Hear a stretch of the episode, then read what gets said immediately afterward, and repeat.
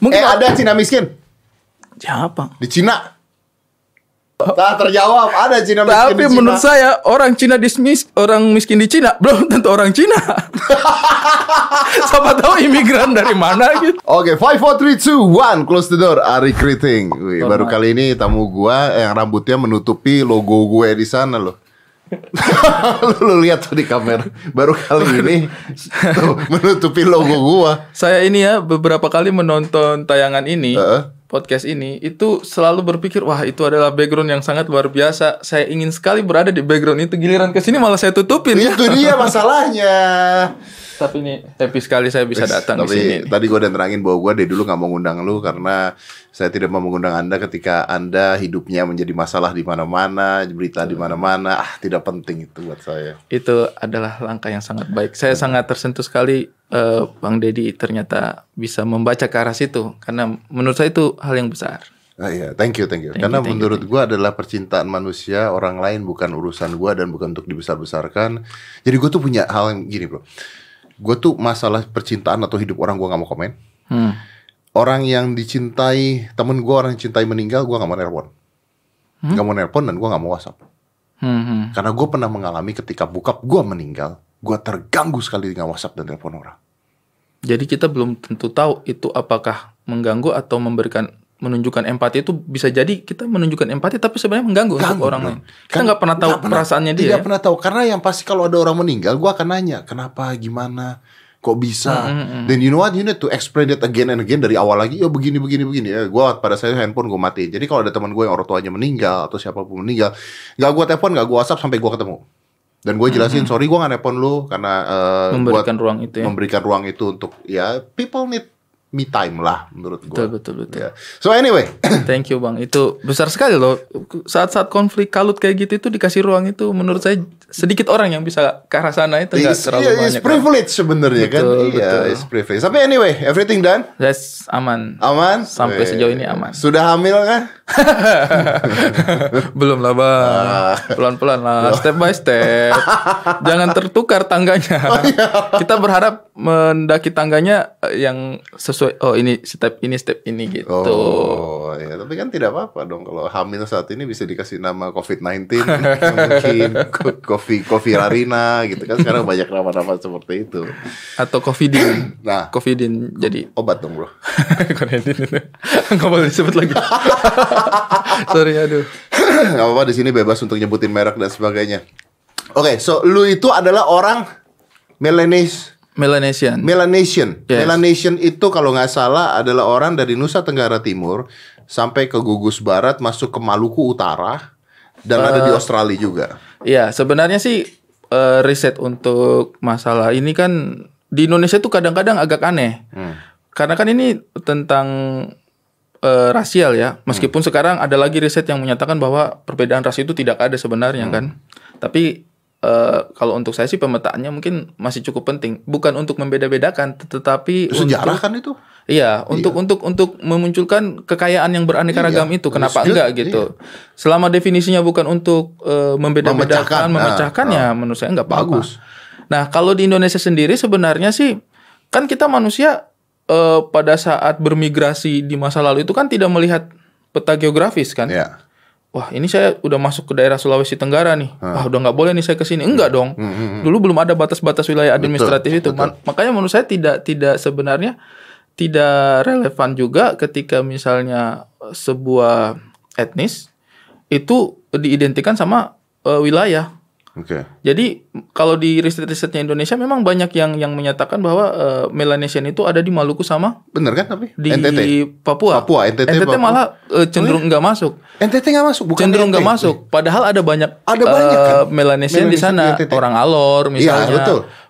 orang-orang Timor mungkin orang eh, Sabu itu cenderung Melanesian. Eh, tapi ada juga sebenarnya memang yang orang-orang Sumba atau orang-orang Rote yang mix itu eh, sebenarnya mereka secara visual cenderung agak jauh dari eh, visualnya orang-orang yang Melanesia. Nah di Sulawesi juga itu eh, ada tuh kalau misalnya di riset-riset yang baru eh, kayak misalnya di kampungnya saya lah di kampungnya saya itu kan di Sulawesi Tenggara kalau saya aslinya nah Sulawesi Tenggara itu terbagi tuh ada yang memang mongoloid yang di bagian Mongoloid. Mongoloid Oke. itu Konawe, Kendari.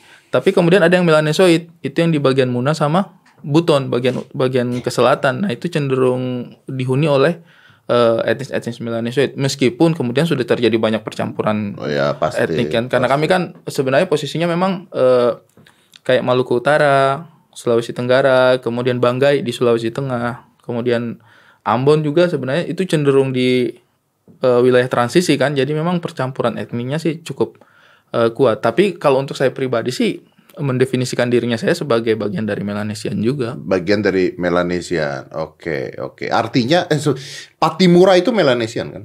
Maluku dong. Harusnya sih Ah, Melanesian. Christina Tiahahu, Melanesian, juga Melanesian harusnya. juga. Oke. Mongoloid itu adalah orang-orang yang ada di Pulau Jawa, Bali dan sebagainya harusnya awalnya. Harusnya ya kan? Iya. Terus baru terjadi percampuran. percampuran mix seperti itu. Jadi sebenarnya itu era migrasi aja sih Era sebenarnya migrasi, Pe- betul. pe- era migrasi kalau kita itu kan sebenarnya orang-orang Melanesia itu cenderung eh, masuk kategori migrasi awal. Ah. Jadi migrasi awal dari eh, kalau misalnya ini riset antropologi ya, maksudnya saya bukan ahli Lu tuh antropologi. riset ya tentang ini ya? Eh, Atau because you want to know tentang eh, keturunan lu, ras yes, dan sebagainya. yes. Oke. Saya riset karena memang menurut saya kalau kita mau pergi ke suatu tujuan, ke tempatnya tertentu, kita tidak hanya harus tahu tujuannya kita, tapi kita harus Asalnya tahu harus asalnya tahu. dari mana Betul. nih. Iya, betul. Ini saya di pick up di mana nih? Iya. Tujuannya udah tahu nih, tapi Iya, saya di pick up di dari mana lu? Iya, betul. nah itu. Jadi menurut saya sih ketika misalnya kita secara eh, visi namanya manusia kan pasti harusnya punya visi Hmm. ya. Secara visi kita ingin tiba pada suatu titik, menurut saya kita harus tahu dulu titik startnya kita di mana. Hmm. Jadi saya memang eh, riset-riset sederhana sih baca-baca buku aja, Hmm. cari perbandingan. eh, Kira-kira saya itu tergolong yang mana gitu? Hmm. Apakah benar itu representasi yang saya bawa selama ini gitu? Tapi menarik nih kalau lu bicara Melan Melanesian ini kita jadi ngasih pelajaran sejarah buat pendengar kita. Eh dulu gue pernah baca eh, tentang Melanesian itu kalau nggak salah pertama kali orang taunya tuh tahun 1756 ada eh, pelancong dari Eropa Charles de Broze menemukan ada orang-orang berkulit hitam Betul. di daerah tersebut dan eh, Melanesia itu secara bahasa Yunani adalah pulau hitam. Pulau hitam. Bener kan? Pulau-pulau yang dihuni oleh orang Pulau-pulau hitam. yang dihuni oleh orang hitam. Betul. Ah, dan dan mereka punya karakteristik yang berbeda, yaitu mereka bertubuh atletis, Ya. ya kan, Eh, tinggi, besar, kerangka tulang eh, Rahangnya. rahang besar dan bertubuh atletis, berambut keriting. Betul. Itu adalah karakter-karakter Karakter-karakternya. Melanesian. Yes. Ah, oke. Eh, se- sebenarnya kalau kita bicara eh, karakter fisik itu eh, banyak lagi percabangannya setelah saya riset gitu kan. Bahkan yang di teman-teman yang di Papua itu beberapa wilayah itu masuk kategori Pa- Papua Nesoid. Papua Nesoid. Soid. Jadi mereka itu nggak bisa nggak bisa juga terlalu dilebur eh, sebagai Melanesian karena beberapa itu saking khasnya gitu ya teman-teman yang dari Papua itu mereka itu sampai eh, punya kalau yang saya baca ini ya di riset antropologi itu mereka punya punya punya eh, Apa ciri khas kategori sendiri? tersendiri Kategori gitu. tersendiri. punya kategori tersendiri. Tapi mungkin kalau yang teman-teman misalnya di Biak atau di Sorong mungkin Sentani itu masih Masuknya? masih sangat masuk dengan Melanesian, Melanesian. gitu. Oke. Cuma kalau semakin ke ketinggian itu, tapi memang masih satu satu eh, Melanesian gitu, Austronesian, Austronesian juga kan masih satu. Astronesian setelah berlebur dong. Iya, eh, apa ya kayak kerangka besarnya Iya, gitu iya. lah. besarnya. setelah mereka menjadi satu, kerangka Iya. besarnya menjadi Astronesian. Iya, Ya, oke. jadi ma- masih satu nenek moyang, cuman eh, makin ke bawah kayak sub supras suprasnya gitu kayaknya banyak banget sih kalau saya nggak bisa hafal Berarti satu-satu. penyebutan orang timur itu benar tidak? Kalau menurut saya sih kita mengkategorikan orang timur itu kenapa saya memilih istilah orang timur itu eh, itu lebih kepada definisi budaya. Definisi budaya. Definisi budaya, kedekatan secara kebudayaan, cara bertutur, kemudian cara berpakaian mungkin, minat mungkin, Minat, oke. eh, berkeseniannya mungkin seperti itu sih hal-hal yang kemudian merekatkan aja. Oke. Nah, itu kan yang positif ya. Kalau kita bicara positif adalah kerangka besar, rahang besar, atletis ya kan. Eh, apa? Ya atletis artinya mereka lebih kuat dibandingkan orang-orang lain. Terus keluar juga nih hal negatif yang dikatakan bahwa sifatnya kasar. Eh, tahu kan? Iya, Itu iya. Kasar apalagi ya? Yang eh, eh, nadanya kasar, pemarah dan sebagainya. Dan ini akhirnya di, digolongkan orang-orang tersebut dan akhirnya turun temurun orang percaya bahwa itu benar. Kalau menurut saya itu stereotyping sih. Stereotyping. Stereotyping. Itu murni murni stereotyping. Kalau teman-teman bicara dengan teman-teman dari Merauke itu juga suaranya lembut-lembut sekali. Beberapa memang mungkin eh, kalau menurut saya sih itu geografis ya. Kalau kita tinggal di pinggir pantai itu cenderung kencang suara karena kalau Nggak kedengeran. gak kedengeran Oke. eh, apa suara ombak mungkin atau angin. Tapi kalau misalnya tinggalnya agak di pegunungan malah suaranya halus misalnya gitu. Karena nggak karena su- sunyi sepi. Sunyi, Oke. sepi. Kalau emosi yang tinggi apakah itu ada di eh, tipe milenial? Saya nggak terima pak. Enggak pak. waduh. Enak aja orang bicara kami gampang emosi. Udah bener nih. Nggak bisa bos. Nggak bisa bos. Itu namanya anda sedang eh, menghujat kami, sedang stereotyping kami. Nggak bisa saya nggak terima. Kami nggak emosi ya. Enak aja anda bilang kami emosian. Sorry bang. Anda Astronesia. Anda Astronesia. Kita Indonesia. jadinya.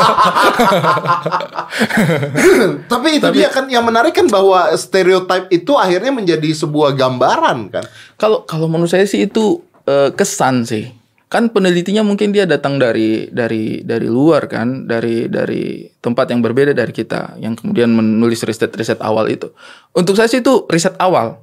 Harusnya sekarang kita me- melakukan moderasi lagi terhadap terhadap yang baru. riset-riset itu. Oke. Kita harus bisa membangun skema riset yang baru yang bisa menunjukkan oh karakteristiknya itu ini ini, Akan ini. tetapi gue percaya pada satu hal lain bro. Gue percaya pada bahasa, pengaruh bahasa terhadap emosi orang. Jadi kalau misalnya orang Jawa atau orang Solo itu susah untuk emosi. Tapi gimana mau emosi? Bahasanya kayak begitu. Monggo, monggo, nggak mungkin.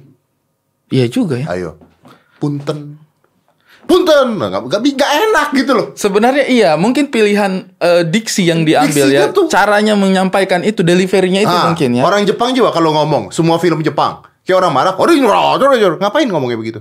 Padahal, eh, Padahal mungkin nggak nada belum marah, tentu minta begitu. makan mungkin seperti Ah, itu. Iya, lapar, minta makan itu Pantas kalau lewat depan-depan restoran Jepang itu kita kayak di kayak digertak Nggak ya. pernah Kak. sih, gua lewat Orisi masih, masih. Gue si orang? lewatnya shiatsu. Oh.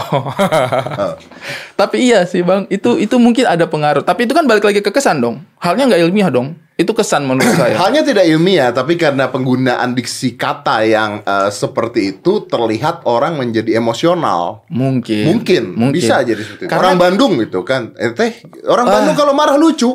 Saya kalau dimarahin orang Bandung adem rasanya. Saya dimarahin loh. Makanya. Dimarahin orang Iya. Bandung itu adem menurut saya.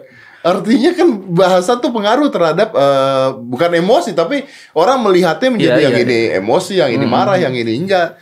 It's very interesting ya. Iya, kesan sih. T- Tapi itu memang eh, makanya kalau saya sih percaya memang tidak boleh kita menilai orang dari luarnya aja. Iya kan? Ya. Termasuk cara bicara itu kan sebenarnya kesan luar yang ditangkap kan. Orang timur juga memang kalau misalnya suruh makan atau suruh mampir juga kadang-kadang memang mungkin akan menimbulkan salah kaprah.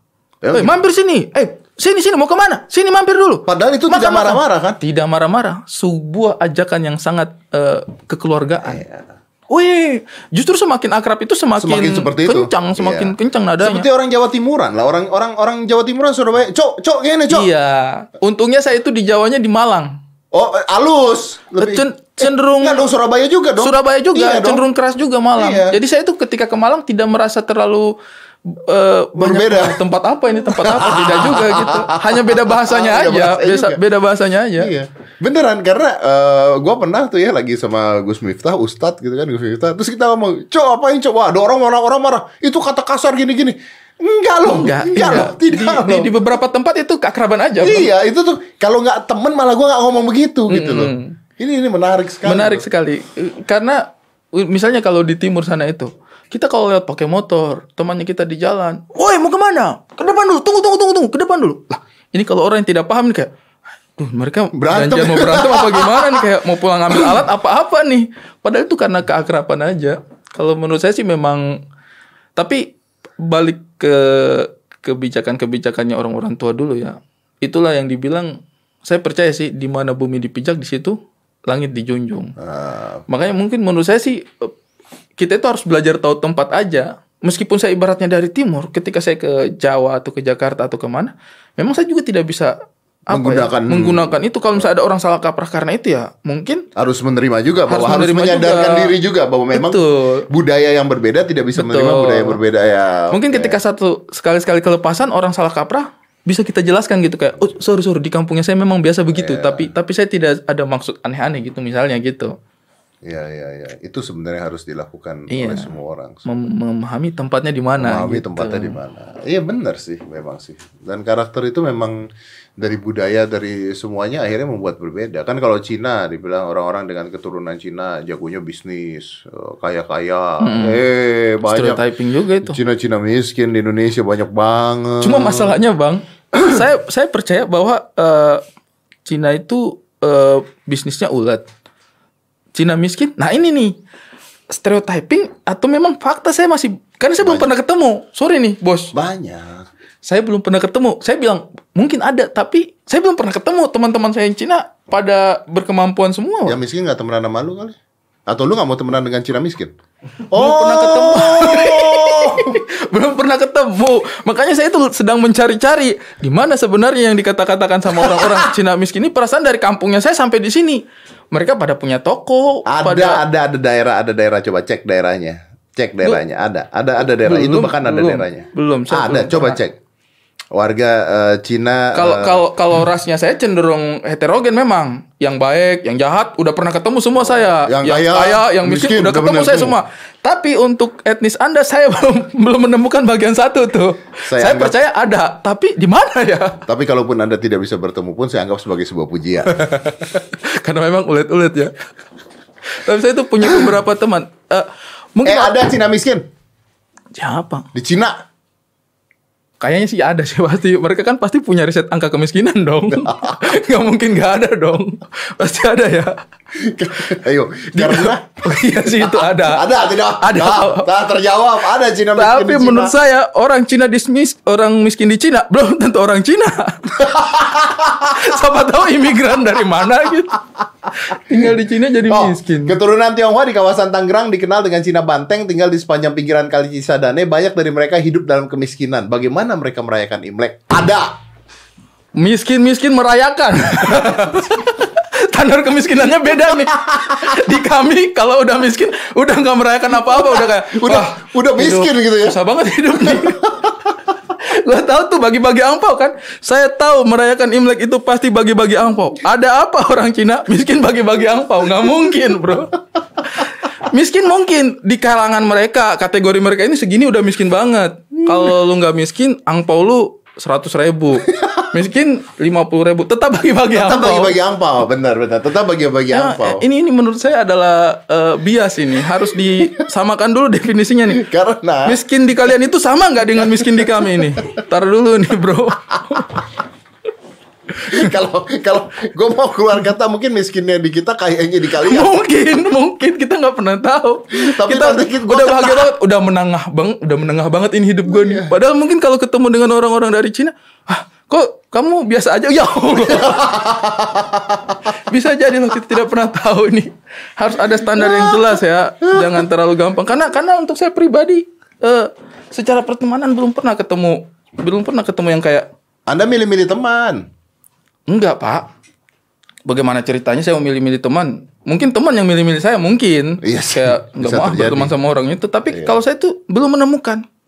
Saya sudah ke mana-mana tapi belum menemukan. Mohon maaf nih ini, ini Masa gue harus miskin dulu? sih? pengalaman pribadi nih. Apalagi anda nggak mungkin. Kalau anda masuk kategori miskin, menangis saya pak. ya Allah, gini segini nih. Miskin nih. ya. Miskin masih belum mampu nih yang segini nih. Ya, itu. Tapi mungkin bro, yang namanya pendatang itu lebih ulet biasanya. bisa bisa jadi, Iya dong. bisa mungkin. Minoritas dan pendatang akan lebih ulet karena minoritas itu banyak tekanan. Nah, tapi itu sebenarnya adalah istilah yang mau saya gugat juga. Nah silakan. Pendatang dengan Minoritas. men- orang asli itu, menurut saya kayak pada akhirnya kita itu semua datang tahu ke tempat ini. Iya memang sih orang Indonesia tuh semuanya juga begitu. Iya, pada akhirnya- campuran-campuran juga. Iya. Pada akhirnya kita itu akhirnya datang di di, di tempat ini. Ya, gitu. yang bener-bener orang Indonesia tuh suku mana ya? Ada nggak ya? Indonesia tuh. Coba dicari. Gue ini pelajaran sejarah kita goblok ya. Kalau mau bicara Ya, yang kalau- kalau tua, talking Melanesian. Melanesian. Kal- Kalau mau bicara yang paling awal eh, mendiami, yang sampai saat ini masih ada. Ah. Kalau kalau etnis-etnis lain kan mungkin memang ada dulu gitu ya. Tapi yang secara turun temurun masih ada Melanesian. Ya tapi itu gugus pulau kan masalahnya. Berarti kan tidak ah, belum tentu eh, Melanesian duluan yang ada di Indonesia kan?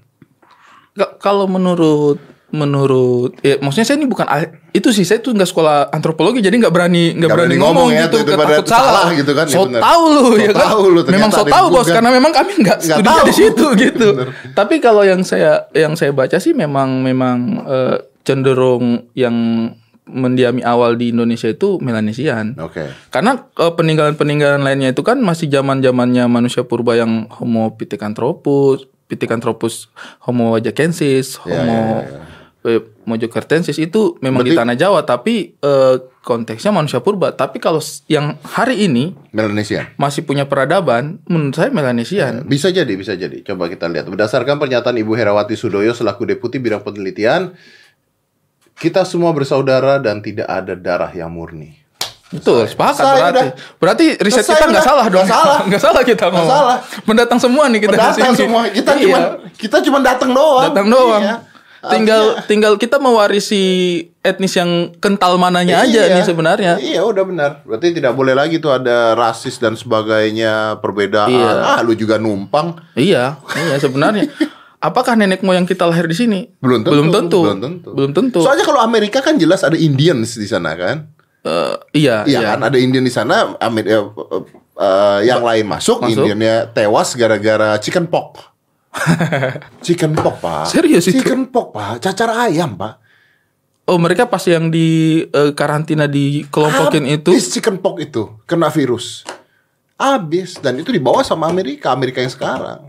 Meninggalnya semuanya gara-gara chicken pox. Coba cari, bener nggak? yang Maya gitu-gitu. Iya, habis. Yang indigenis habis yang dulu-dulu gara-gara itu. chicken pox. Bukan gara-gara corona, ch- chicken pox. Chicken pox, iya coba real eh, apa eh, Amerika asli chicken pox, Amerika asli bahasanya Amerika Amerika asli. Nah, Jadi bahasa memang- Inggrisnya McD itu. Upaya pemusnahan rasial itu memang sudah ada sejak dulu dan menggunakan virus. Jangan-jangan yang Jangan sekarang dong. ini Aduh, saya tidak mau terbawa kepada diskusi-diskusi yang seperti itu ya. Intinya saya selamat aja, saya berusaha selamat, berusaha Iya sih, mencuci tangan, memakai masker, apa pun. Kalau misalnya ah itu nggak ada tau, ya udah ya jaga-jaga aja bro. Tapi pemakaian masker itu menimbulkan masalah baru loh. Gua tadi juga ngobrol sama teman gua begitu. Karena Tingkat kejahatan naik. karena semua orang Ah, identitasnya dulu orang naik motor kan masker disuruh buka. Ngelihat Iya, mukanya siapa biar masuk kamera. Orang ngambil ATM gimana? masker harus dibuka, helm dibuka, Nah, sekarang pakai masker pakai masker. menjaga kesehatan. Ah, ya kan? Ah. Tapi saya meskipun pakai masker susah. Kenapa? Rambut tidak bisa ditutup pakai masker, Bos. Oh iya, lu langsung ketahuan. Langsung ketahuan. Anda yang berbuat kejahatan tadi, hey rambut keriting. Nah, iya, betul. Anda langsung ketahuan, betul. Itu tuh kalau kalau ngejokes kemarin tuh gua ngobrol sama Boris Bokir. Hmm. Dia tuh kan pernah kena gara-gara dia ngomongin tentang orang Batak. Iya. Padahal dia Batak. Hmm. Lu pernah kena nggak? Kalau kena langsung sih enggak ya, sampai sejauh ini. Karena kalau saya sih prinsipnya begini. Eh, komedi itu kan untuk membawa kebahagiaan. Ah, ya tapi kan orang kalau mau cari-cari masalah mah apa juga jadi masalah. kan. Ah, berarti itu salahnya dia bukan salahnya saya. Iya gue tahu, tapi lu tapi kan Anda pasti pernah diserang oleh hal-hal tersebut. Anda nih emang Awal-awal sih ada sih, awal-awal sih ada. Cuma orang timur itu eh, menurut saya ya punya selera humor yang cukup baik. Orang timur tuh.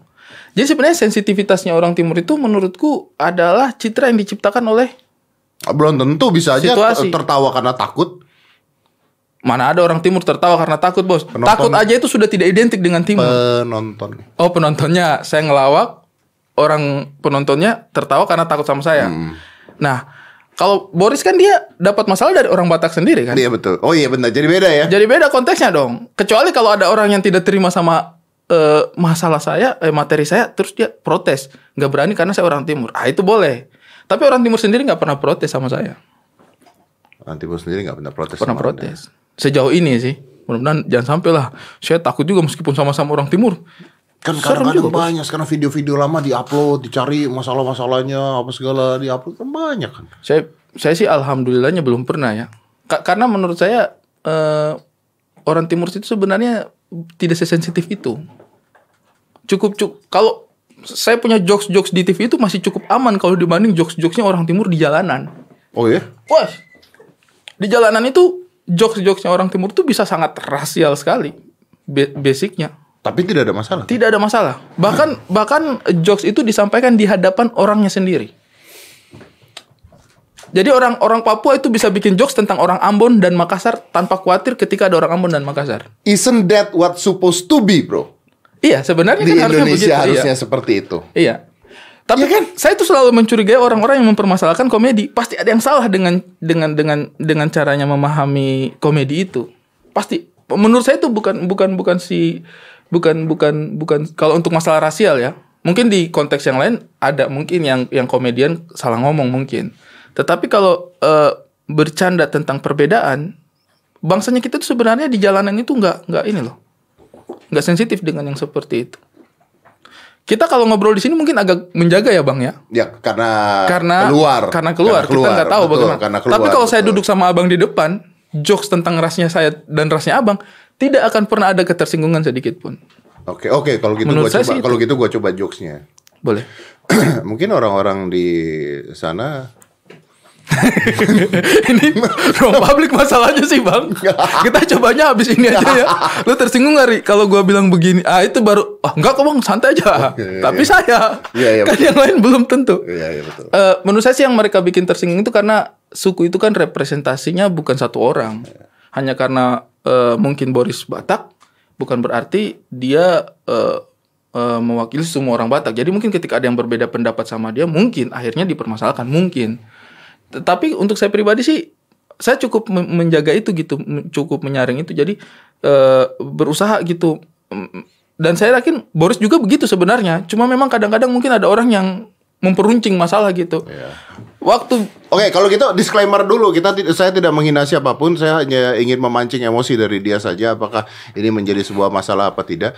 Mungkin orang-orang Anda tidak pernah marah pada Anda karena karena tempat Anda tidak ada TV. Ya Allah. itu nggak akan marah. Nggak akan saya marah. berani jamin orang timur tidak akan Tidak akan marah. Tidak akan marah. karena karena karena itu mereka pasti paham itu jokes gitu kayak yang punya TV nggak akan marah kayak hah enak aja Deddy Corbuzier bilang ini TV apa nih ya fotoin fotoin kita kirim hey Deddy Corbuzier ini TV loh ini di timur loh TV nggak mungkin mereka pasti paham itu jokes itu paham itu joke. paham itu jokes jadi sebenarnya menurut saya ketika kita jokes dan kita tahu nih kita jokes tapi kita khawatir sebenarnya itu yang meng- lebih menghina karena itu eh, kayak merendahkan nalar orang Tapi kan ketika ketika dikatakan mungkin orang-orang lu nggak punya TV, itu kan menghina sebenarnya. menghina. Tetapi ketika itu sampai ke telinganya saya pribadi misalnya dan mungkin banyak dari masyarakat Indonesia Timur ketika sampai ke tangan eh, ke pendengaran mereka itu tidak akan menjadi hinaan lagi karena mereka tahu eh, Konsep kontennya kontennya konsepnya Bang Deddy di situ pasti akan adalah me- eh, komedi kecuali misalnya itu disampaikan ilmiah. Misalnya nih eh, kami menemukan riset fakta bahwa Indonesia Timur susah maju karena di sana tidak ada Coba TV. coba coba lu bikin jokes Cina yang menyinggung Anda. yang menyinggung saya. Susah sih, Anda mau tersinggung juga terus kenapa? di sini itu kayaknya kalau kecuali Om Deddy sih kalau Om Deddy sih orang kalau mau menyinggung Om Deddy itu bukan karena Cinanya sih karena Deddy Corbuzernya makanya orang takut. Jadi kalau orang takut bikin jokes ke Anda itu bukan karena rasnya itu tapi karena karena Deddy Corbuzier aja itu mah. Bukan karena Cina Bukan ya. karena Cinanya sih. Banyak sih sebenarnya orang kalau misalnya menurut saya di jalanan itu jokes-jokesnya itu lebih rasial gitu. Tapi kenapa orang bisa bisa bisa Menerima. menerima aja? Karena karena menurut saya mereka paham gitu. Cuman kan ini kalau ini kan sebenarnya sekarang lebih parah dong, bro. Kalau dulu kan sebenarnya ini nggak ada masalah. Aduh, gua kecil aja bercanda-bercandanya Cina, nama bapak dibawa-bawa, nggak ada yang Hmm, ribut tuh nggak ada ada yang begitu. ribut. Artinya kan peran sosial media ini juga bermasalah, ya kan? Orang lebih sensitif, Gampang terprovokasi. gampang terprovokasi. Yang dulu tidak, sekarang gampang terprovokasi. Ini paling sederhana aja ya. Eh, saya tuh respect banget sama eh, Pak Haji Bolot. Pak Haji Bolot. Pak Haji Bolot itu jago banget. Kalau komedi saya nggak pernah mempertanyakan kemampuan beliau. Ketawa-ketawa terus. Ah, Tapi coba misalnya kita polanya beliau kita ambil. jadi tidak lucu. Kit- eh, bukan masalah tidak lucunya. Apakah sensitif atau tidak? Misalnya Pak Haji Bolot. Oh, sensitif. Pola pola pola komedinya saya ambil nih di hari ini ya. Di hari ini saya ambil.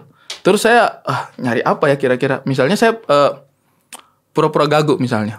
Orang-orang hmm, Ah, pura-pura cadel pura-pura cadel misalnya. Mungkin akan ada dipermasalahkan kayak Oke, Jadi kenapa apa, lu apa, melakukan apa yang itu? membedakan Haji Bolot bisa lepas dari itu?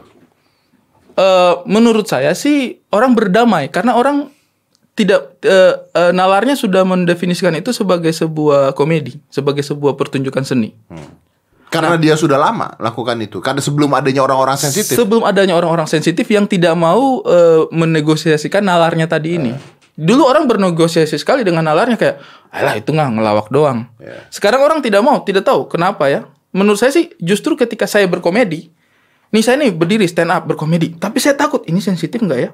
Sebenarnya saya sedang menghina mereka loh. Saya sedang menghina audiensnya saya.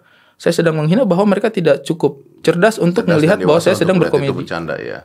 Kan ini yang terjadi kemarin si Panji juga kejadian lagi kan dikata-katain orang juga kan karena dia bikin ini kan eh, bahasa tuli. Hmm. Jadi bikin video eh, judulnya adalah berita dari neraka di bawahnya ada layar hijau yang Oh iya iya, orang iya. tuli itu orang tuli tapi dia sendiri yang jadi itu. Dikata-katain juga. Ya terus kacau aja gitu dia bingung sendiri begini-begini terus tulis saya baru belajar dan sebagainya itu dikatain katanya menyinggung eh, teman-teman tuli gitu. Ya, Tapi teman-teman tulinya yang dia kenal dan gua kenal tidak merasa tersinggung. Iya iya, itulah. Menurut saya sih eh, tergantung kita mau melihat komedi itu dari sudut pandang yang mana.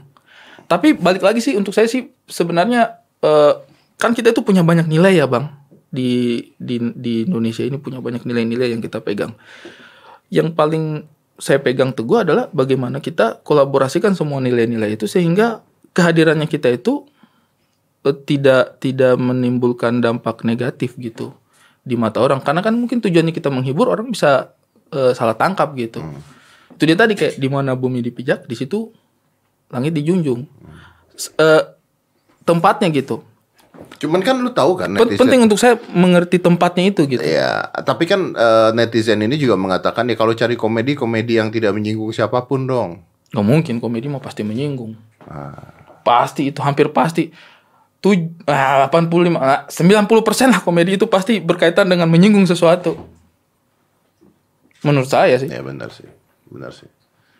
Mi- misalnya saya berkomedi tentang Indonesia Timur, pasti saya sedang menyinggung sesuatu. Mungkin ketidakadilan, pembangunan, tapi kan berarti menyinggung sesuatu. Ya dong. seninya kan adalah gimana itu membuat sebuah kelucuan gitu betul, kan. betul. Ada orang datang, pakaiannya aneh, boleh kita kita kita kita komediin. Menurut saya, ya, ketika dia hadir dalam sebuah forum komedi, maka dia bersepakat untuk mendefinisikan itu secara komedi. Tanpa Udah. ketersinggungan. tanpa ketersinggungan. Apalagi resiko itu malah lebih besar kita yang di atas panggung loh. Menurut saya ya. Eh, Ketika kita ada di forum komedi, kita kita itu harus eh, berusaha sedapat mungkin untuk mendefinisikan segala sesuatunya ke ranah komedi. Cuma mungkin ada beberapa hal yang eh, di luar nilai-nilai kita, yaitu juga tidak masalah. Misalnya nih saya nonton Panji stand up, Wah, lucu banget, lucu banget. Terus misalnya dia bahas satu topik yang untuk saya sensitif dan harusnya nggak dikomediin deh itu. Aduh itu harusnya nggak komedi. Terus saya nggak ketawa. Ya itu sudah menjadi bentuk ketidaksetujuan saya terhadap konten itu. Dan boleh menurut saya orang tidak setuju terhadap konten yang disampaikan. Tapi tidak membenci dianya. Eh, kalau itu sih eh, kan orang beda-beda ya bang ya. Maksudnya kita tidak bisa mengatur Makanya- cara orang mengambil makanya kan, keputusan. Tapi kan itu lu sebagai seorang komedian berkomentar ketika komedian lain me- memberikan sebuah jokes. Kalau komedinya saya tidak masuk, orang eh, eh, tidak masuk di seleranya orang lain atau dia tidak setuju dengan gagasan yang saya bangun. Komedi kan kebanyakan dia membangun sebuah gagasan ya. Ketika saya membangun sebuah gagasan dengan tujuan untuk menghadirkan komedi, orang tidak setuju atau bahkan tersinggung, itu eh, eh, menurut saya sih nggak masalah sama Apakah sekali. komedinya Coki tentang virus corona pada saat itu menyinggung orang? Kalau menurut saya sih itu tempat ruangnya yang Salah. ruangnya yang ruang yang kemudian eh, nggak salah juga sih tapi ruangnya yang berpotensi menghadirkan eh, reaksi yang seperti itu kalau yang saya yang saya lihat itu kan orang bereaksi terhadap eh, apa yang diberikan gitu yang terhadap yang terjadi sama saudaranya saya Coki itu eh, menurut saya adalah reaksi reaksi dari orang-orang nah ketika dia taruh itu misalnya di ruang publik seperti Twitter maka reaksinya akan terlihat di Twitter. Apakah Coki salah? Belum tentu. Apakah orang yang bereaksi terhadap itu salah? Belum tentu. Tetapi reaksi itu tidak bisa kita cegah dong. Reaksi itu tidak bisa kita tidak bisa kita atur gitu. Mungkin cegah bisa, mungkin japri, eh lu nggak usah gitulah gini-gini. Mungkin bisa. Tapi untuk mengatur itu semua tidak bisa dong. Orang pasti baca dalam sesat kemudian menerjemahkan gitu kayak ini tweet lucu nggak ya untuk saya? Atau malah menyinggung ya? Sensitif nggak ya dia? Kayaknya enggak deh. Secepat itu menurut saya. Ya. masalah banjir masalah apa? Eh, virus corona. corona dan lain sebagainya. Saya juga beberapa kali jokes mungkin akan akan akan menyinggung gitu. Dulu juga ada teman-teman yang bikin bikin bikin jokes tentang ketika terjadi ledakan bom kan yang kami tidak Iya. takut. Kemudian dijadiin jokes. Kan juga beberapa korban malah mengkritisi gitu kayak enak sekali kalian bilang kami tidak takut tentang teror ini tapi Padahal itu bukan jokes ya. Iya. Padahal itu adalah semangat kan. Iya semangat, tapi kemudian beberapa eh, berusaha menghadirkan komedi agar supaya eh, terornya itu gagal gitu. Tapi kan sebenarnya beberapa orang yang mungkin pernah menjadi korban atau bagian dari itu Tersinggung. tersinggung gitu kayak enggak bro, ketika itu terjadi lu takut gitu. Nah itu mungkin menurut saya ya. Nah jadi menurut saya itu tempatnya aja. Ketika misalnya apakah jokes itu lucu? Lucu banget menurut saya. Ketika misalnya saya datang ke dalam sebuah forum, kemudian saudaranya saya Coki memajukan jokes itu di atas panggung, mungkin saya akan ketawa ngakak banget. Tapi ketika itu misalnya tempatnya bukan di forum komedi, di forum umum seperti Twitter, Artinya banyak orang yang melihat. Yes. Oke. Dan belum tentu mereka sedang mencari komedi. Belum tentu. Jadi ketika itu hadir, mungkin sensitivitasnya yang naik gitu kayak Berarti apa pun ketika tempatnya eh, tepat bisa dijadikan sebuah komedi. Termasuk agama. termasuk agama. Nah, Jokes-jokes agama saya, jokes jokes rasial saya banyak banget. Dan dan dan itu saya bisa bawakan dengan tenang. Beberapa acaranya Majelis Lucu Indonesia dulu-dulu juga awal-awal itu kan saya Ya bawa- tapi pada saat di Confess juga kan gua gua bareng sama Panji sama Er- eh, Panji sama Ernest eh iya sama Ajis 2000. Wah itu agama dijadikan komedi yang luar biasa. Mereka ngerosting agama gua, gua balas ngerosting agama tapi tidak ada yang tersinggung di sana. Karena orang sudah siap. siap. Forumnya benar. Forumnya sudah siap. Tempatnya Dan orang tahu bahwa kita ini nggak beneran loh yang Betul. ngeledek ya. Kita Yes. ini cuman lucu-lucuan. Yes. Eh, Walaupun ada orang yang akan mengatakan bahwa agama jangan dijadikan lucu-lucuan. Nah, betul. Tapi tempatnya, ya kan? Dan dan saya rasa orang-orang yang mendefinisikan agama bukan untuk lucu-lucuan, mungkin tidak akan memilih datang ke tempat itu karena tidak sesuai dengan eh, karena tidak sesuai dengan eh, hati nuraninya dia, nilai-nilai yang dia pegang. Itu aja sih. Tapi dulu ada buku jokes tentang agama.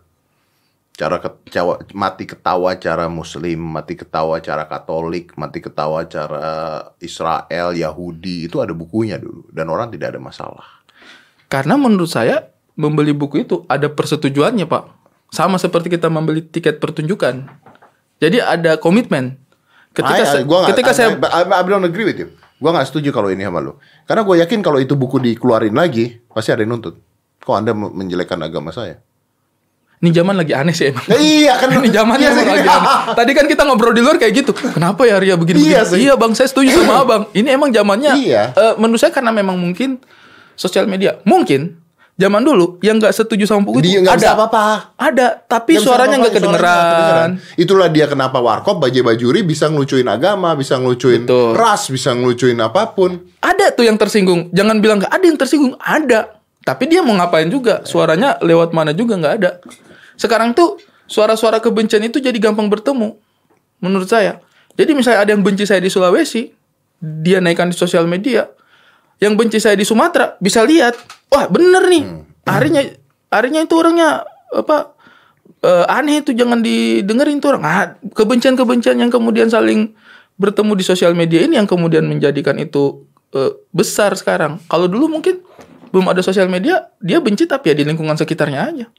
Mau sekuat apa dia meyakinkan semua orang untuk benci sebuah karya seni? Belum tentu semua orang sepakat sama dia kan?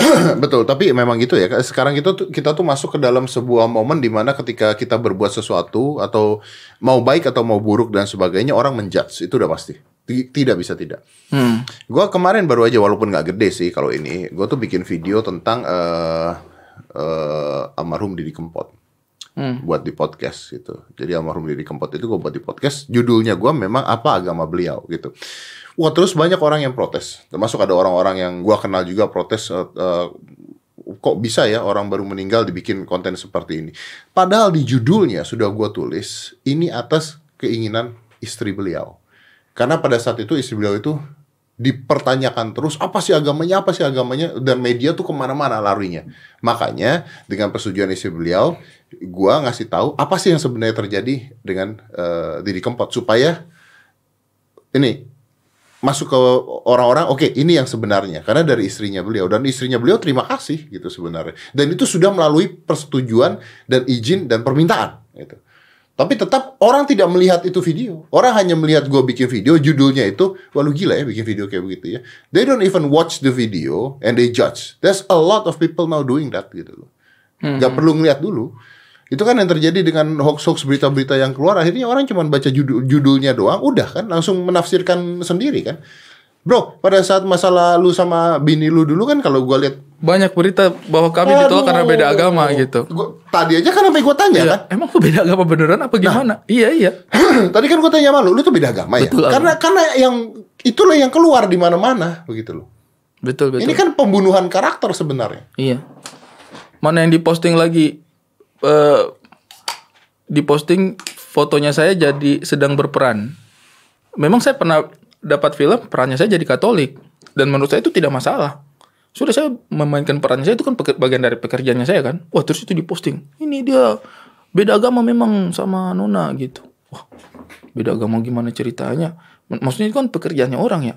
Memang kalau di film-film uh, Timur Tengah sana pas perang-perang para sahabat gitu yang berperan jadi kafir Quraisynya emang kafir beneran? Enggak juga gitu kayak sorry bro gua gua udah Islam gua nggak bisa nih jadi jahiliyah. Anda berperan jadi Abu Jahal. Ah duh gimana nih kafir dulu nih? Berarti dia harus menyembah Lata dan Uzza dulu. Gimana? Susah banget. Namanya perannya pasti dimainkan aja dong. Menurut saya sih nggak masalah itu Iya sih. Bener. Iya kan? Iya lucu ya. Di jadi. Timur Tengah pasti yang ber kan ada tuh film-film tentang perang-perang zaman sahabat Nabi. Emang yang berperang jadi jahiliyahnya emang kafir Quraisy enggak juga dong. Pasti juga menurut saya itu umat Islam juga paling itu. Dia memerankan. Memerankan sebagai Abu Jahal. Menurut saya sih terus itu di framing, di frame gitu kayak wah ini framing lagi wah, dia beda agama. Menurut saya sih makanya orang kalau tanya saya tuh agama mau apa? Kalau saya sih kalau saya nih ya, maksudnya pemahamannya saya ya, insya Allah sih Islam tujuan akhirnya saya. Hmm. Cuma apakah kemudian saya sampai pada tujuan tersebut kan belum tentu. Hmm. Insya Allah gitu ya terserah Allah. Hmm. Siapa tahu kita bilang oh, saya Muslim, saya Muslim. Menurut Allah eh, enggak eh siapa lu ngaku-ngaku? Iya kan bos. Kita nggak pernah tahu gitu. Tahu, Kan yang uh, apa menentukan kan bukan kita menurut saya. Jadi kalau misalnya mau ditanya agama kayak gitu mungkin uh, apa ya? Makanya saya sih lebih sepakat yang kita sebutkan itu formalitas. Ya, ya. Kalau abang tanya saya agamanya saya apa, Islam. Tapi itu formalitas sehingga ketika misalnya abang mau berhubungan sama saya yang ada konteks keagamaannya, abang tahu caranya seperti apa. Ya. Tetapi apakah itu kemudian merepresentasikan saya sebagai pemeluk agama Islam? Belum tentu. Kan belum ada hisapnya gitu menurut saya ya. ya, ya. Banyak Tar orang Muslim yang tidak Muslim Uh, tidak Islami gitu kan banyak orang Kristen tahu, yang gitu. tidak benar-benar Kristen juga iya. nobody know iya bahkan mungkin yang yang menurut kita benar-benar uh, tampak uh, visualnya agamis sekali. Belum tentu. Belum tentu karena kan yang menentukan bukan dia, yeah. yang menentukan kan yang pemilik agamanya itu yeah. gitu. Menurut saya ya kayak yeah, jadi kayak yeah. misalnya Anda wah, wah ini dia Buddha banget ini. Belum tentu, siapa tahu malah dia tidak bisa mencapai bodhisatwa itu kan kita tidak tahu apa sih Buddha itu yang menjadi Iya, uh, buat jadi Buddha apa uh -uh. gitu. Iya. Apa? Ada ibu-ibu berhijab. Ya, maksudnya? Yang Ada. Video.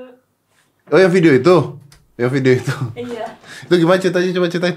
Jadi kayak apa sih kalau misalnya acara yang keagamaan itu? Oh, ada yang Yesus lagi jalan terus enggak, enggak. jadi itu yang acara kayak besar-besaran gitu loh yang Mimbar. Pengobatan. Oh, pengobatan. Uh, yang ditanyain siapa yang menyembuhkan? Ha, yang itu kenapa? Terus gitu ada ibu-ibu berhijab berenten tuh ngantri. Ditanyain kan sama pendetanya uh, apa siapa yang menyembuhkan kamu Yesus? Gitu sampai nangis nangis siapa yang menyembuhkan kamu Yesus? Gitu. Padahal maksudnya dia berhijab dan ibu-ibu gitu. Jadi yuk.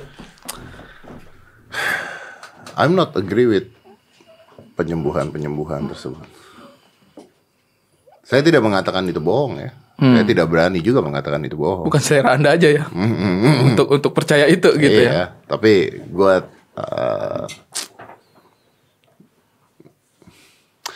Coba cek Peter Popov. Peter Popov itu adalah eh, seseorang yang menggunakan nama agama pada udah berapa puluh tahun yang lalu di Amerika dengan menggunakan penipuan berkedok agama untuk menyembuhkan orang. Ada ibu-ibu lagi lagi ada ibu apa nenek-nenek. Jadi caranya banyak banget. Intinya mah pakai pakai trik-trik itulah. Ada nenek-nenek masuk ke sana langsung pegawainya kasih kursi roda supaya jalan di kursi roda. Apa nenek-neneknya bisa jalan didorong ke depan terus Peter Popovnya ngedoain apa stand up stand up stand up wah berdiri wah semuanya pada nangis emang bisa jalan anjing Oh. Saya kira stand up, stand up, diri lucu. Maaf ya bang. tapi that's Peter Popov ya gua nggak Ya, ngomongin ya. yang lain Mungkin lah. yang lain punya kemampuan itu kita kan nggak pernah tahu ya. kemampuan menyembuhkan orang Kalau saya sih ini bukan masalah percaya nggak percaya ya. Maksudnya itu pilihan sih ya. Kalau saya sih selalu meyakini bahwa manusia itu eh, jiwa dan raga sih. hmm. Jadi mungkin kadang-kadang eh, kadang-kadang untuk menyembuhkan raga itu mungkin bisa disentuh jiwanya, mungkin. Loh, I'm talking about seribu orang ngumpul di sana disembuhkan loh Eh, mungkin akan ada beberapa di antara mereka yang yang yang yang yang raganya sembuh karena jiwanya, Jiwanya tersentuh. tersentuh. Ah. Karena manusia itu it- itu manusia tidak terpisah sih Iya, iya, jiwa dan raga itu. Jadi mungkin akan ada momen di mana satu momen saking jiwanya saya tersentuh, raganya saya tapi it's possible it's possible Iya kan? karena placebo aja gimana Placebo itu kan lu ke dokter, kalau lu ketemu dokternya yang lu percaya udah udah enak badan kan. bener, Disuntik bener. cuman pakai vitamin doang, dibohonginnya itu obat, itu kan placebo namanya. Betul, Tapi orangnya sembuh. karena jiwanya mengatakan bahwa Sembuh. dia percaya bahwa dia dia, percaya bahwa itu sembuh. penyakitnya hilang. Iya, iya, iya. betul. Bisa nggak itu kita pakai di COVID-19? Eh, bisa sih, Karena Ta- tapi kan jawab langsung dong. kalau menurut saya sih jiwa masing-masing orang itu kan tidak bisa ketakar ya bang. Dia ngumpulin seribu orang, yang jiwanya kuat, rohaninya kuat dan percaya 10 orang. Ya. 990-nya ketular malah tertular karena jiwanya nggak sekuat itu. kan malah bahaya ya. Yang menarik ya. Eh gue tuh ngobrol sama Kiai Said Agil Siroj kemarin. Ini bagus banget kata-kata beliau. Eh gue tanya sama dia, eh Pak Kiai, ini gue tanya. Padahal, padahal pertanyaan gue tuh pancingan loh. Pertanyaan gue pancingan. Pak Kiai, gimana dengan ada orang yang teriak-teriak, eh, saya percaya pada Allah, saya tidak akan kena COVID. Makanya saya mau jumatan, rame-rame. Saya pokoknya percaya saya tidak akan kena COVID. Terus gimana? Kan percaya pada Allah suatu yang baik kan dan Allah memberikan kita kekuatan memusnahkan semua penyakit dan sebagainya suatu yang baik dong gimana salah nggak orang-orang seperti itu Dijawab apa sama Pak Kiai? Pak Kiai menjawabnya gua nggak menyangka dia akan jawab itu dia bilang gini kalau dia percaya pada Allah dan dia mengatakan dia tidak akan kena covid dan dia percaya banget bahwa dia tidak akan kena covid itu baik bagus tapi kalau dia ngomong-ngomong di mana-mana itu sombong dan sombong ada hukum dosanya sendiri. Jadi Betul. intinya kalau lu percaya ya udah nggak apa-apa. Tapi nggak usah ngomong-ngomong ke orang-orang terus suruh orang-orang juga Keluar-keluar seperti lu. Iya. iya iya iya iya. Iya. Karena pada akhirnya corona juga ciptaan Allah tidak mungkin ciptaan yang lain. kan? Nah, iya. Nih ada ciptaan Allah yang lain nih. Tidak akan kena. Ya nggak tahu. Nggak tahu. Orang itu ciptaan Allah juga. Ya, bener sih. Makanya gua gua tidak menggunakan kata prajurit Allah, tapi gua menyi- meng- gua akan menggunakan rahasia Allah. Wih, sedap. Bang, ini langsung kayaknya tingkat apa eh, agama Anda itu lebih tinggi dari saya sekarang. ya. Oh, saya berusaha menyalip, Pak. Padahal saya dari lahir loh. Banyak yang minta-minta saya mualaf, saya nggak turutin itu di sosial media. Oh ya sama sama seperti banyak yang minta saya pakai hijab nggak saya turut. Karena sulit untuk kita ya. Tapi ya kalau saya sih untuk corona sendiri sih ikhtiar, ikhtiar menurut saya. Memang sih orang di- diminta untuk beriman kan, beriman. Itu kan berarti orang tadi dia mengedepankan imannya kan. Ya, nggak salah. Nggak salah. Nggak salah. Tetapi juga ada pilihan untuk ikhtiar gitu. Iya. Dua-duanya pilihan yang baik ya. Saya memilih ikhtiar aja. Iya. Pakai segala macam. Oke. Ikhtiar aja. Iya, masuk kan makanya kan berdoa dan bekerja, berdoa berdoa dan berusaha. Iya betul betul betul. Iya.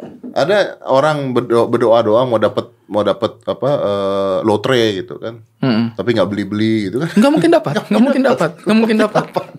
Itu tidak bisa tiba-tiba seperti itu tidak bisa ada ada ada yang harus dijalani gitu. Iya, harus ada pekerjaan dulu yang lu Betul. jalanin dulu sebelum lu dapetin itu. orang nabi aja yang langsung dapat perintah dari baginda nabi aja yang dapat perintah dari Allah eh, hijrah juga meninggalkan Mekah itu kan bagian dari usaha Bagian bagian, dari dari, usaha, bagian benar. dari kalau misalnya segampang itu ya tinggal ah saya nabi nih semua jadi Islam jadi itu kalau misalnya bisa seperti itu kan tapi kan semuanya ada usahanya gitu masa nabi aja berusaha kita manusia gak ada Gak mau berusaha. ikhtiarnya iya. Iya kan bener kan? Iya sih. manusia biasa Iya iya, very make sense. Banget bener. Eh, so anyway, how's the married dude? kan udah bebas kan? Belum, belum, belum. Eh? Belum belum ke arah sana sih, belum. Belum? Belum. Masih berusaha. Loh, bukannya udah beres masalah lu? Eh, iya, tapi maksudnya kita masih masih masih belum selesai, belum 100%. Oh, belum 100%. Belum 100%. Oh. Salah paham yang kemarin sudah dilurusin, Udah beres, iya. oke. Tetapi untuk Berarti sekarang ikhtiar doang, eh, tinggal ikhtiarnya doang? ikhtiar lagi, ikhtiar lagi. Ikhtiar lagi. Makanya kan saya bilang tadi eh, anak tangganya kan ada banyak nih step-stepnya. Mungkin baru satu step. Masih ada banyak nih yang lain nih. Tapi cinta yang sulit didapatkan biasanya lebih bertahan lama. Wih, Kalau kita sih berdoanya begini bang, mending badainya datang di awal. Oh, bang. Iya enggak sih?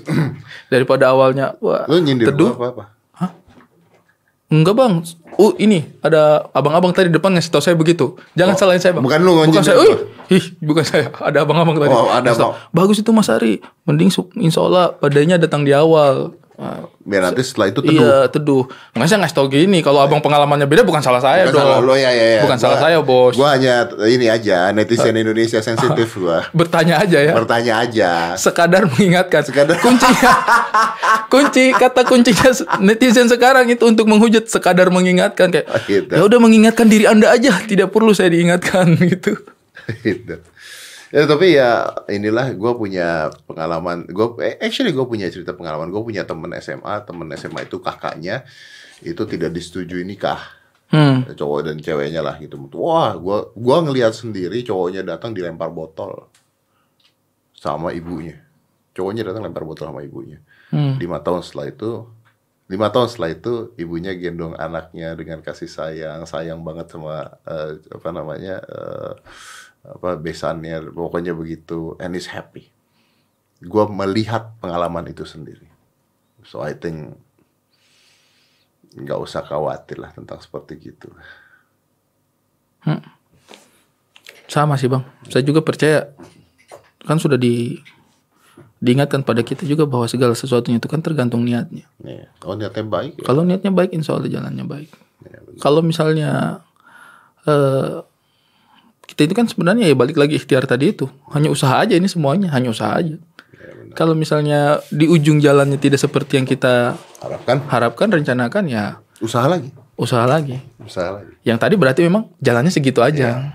usaha lagi, Hmm. bisa. Oh. Eh, apa sih yang tidak bisa dilakukan? Kalau punya ikhtiar, punya keinginan, punya goals dan punya niat yang baik, Hmm. bisa. Yang penting kan semuanya itu kita definisikan jadi rezeki kalau saya pribadi. Oh berarti rezekinya saya seperti orang tuanya saya di kampung, orang-orang tuanya kami itu selalu istilahnya itu ketika ada musibah ataupun ada kebaikan itu pasti orang Wakatobi itu bilangnya oh terajaki nomo. Oh, Apa itu? Udah rezekinya dia Udah tuh. rezekinya oh dia. terajaki nomo.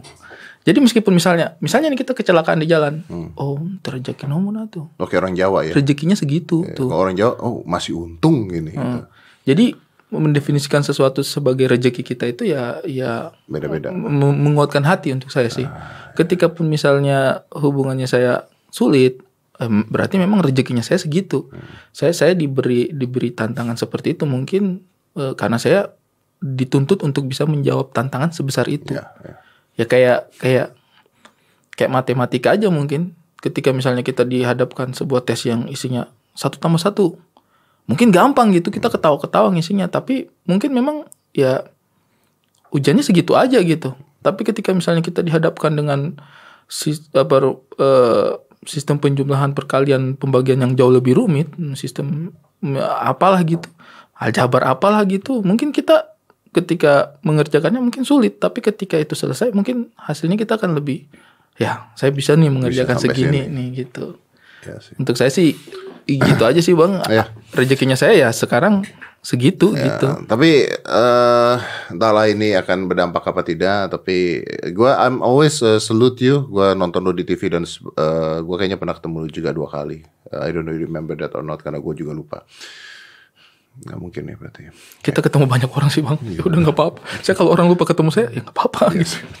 Tapi eh gua salut sih sama lu sama perjuangan lu dan sebagainya luar biasa. Lu bisa nyontohin sesuatu yang luar biasa dalam kasus apa pun ya, dalam kehidupan lu, kerja lu dan sebagainya, kisah cinta itu termasuk perjuangan. I I, I believe it's good gitu. Maksud gua tidak pernah ada masalah dan gua gua berharap itu berjalan dengan baik. Gua gua bisa ngasih doa doang. Mudah-mudahan terbaik buat lu dan Tante, ini orang luar biasa, penuh perjuangan, Ah bos bos jangan. penuh perjuangan, pantang menyerah, jadi tolong ditekan lebih keras. saya kira saya mau dibelain ya. Ya Allah, itu adalah motivasi yang kuat. Baik, Bang Baik. Dedi, Bang Dedi. Oke, Baik. terima kasih. Kita didukung Bang Dedi sekarang. Mari kita larang dia bertemu. Tapi nggak apa-apa sih. Kalau saya itu ya nggak masalah. Maksudnya tujuannya baik itu Tujuannya aja. baik, ya, ya, ya. Tujuannya baik. Tapi I believe that love will find a way. Ya, kayaknya saya pernah dengar di mana itu ya. Five, four, three, two, one, close the door.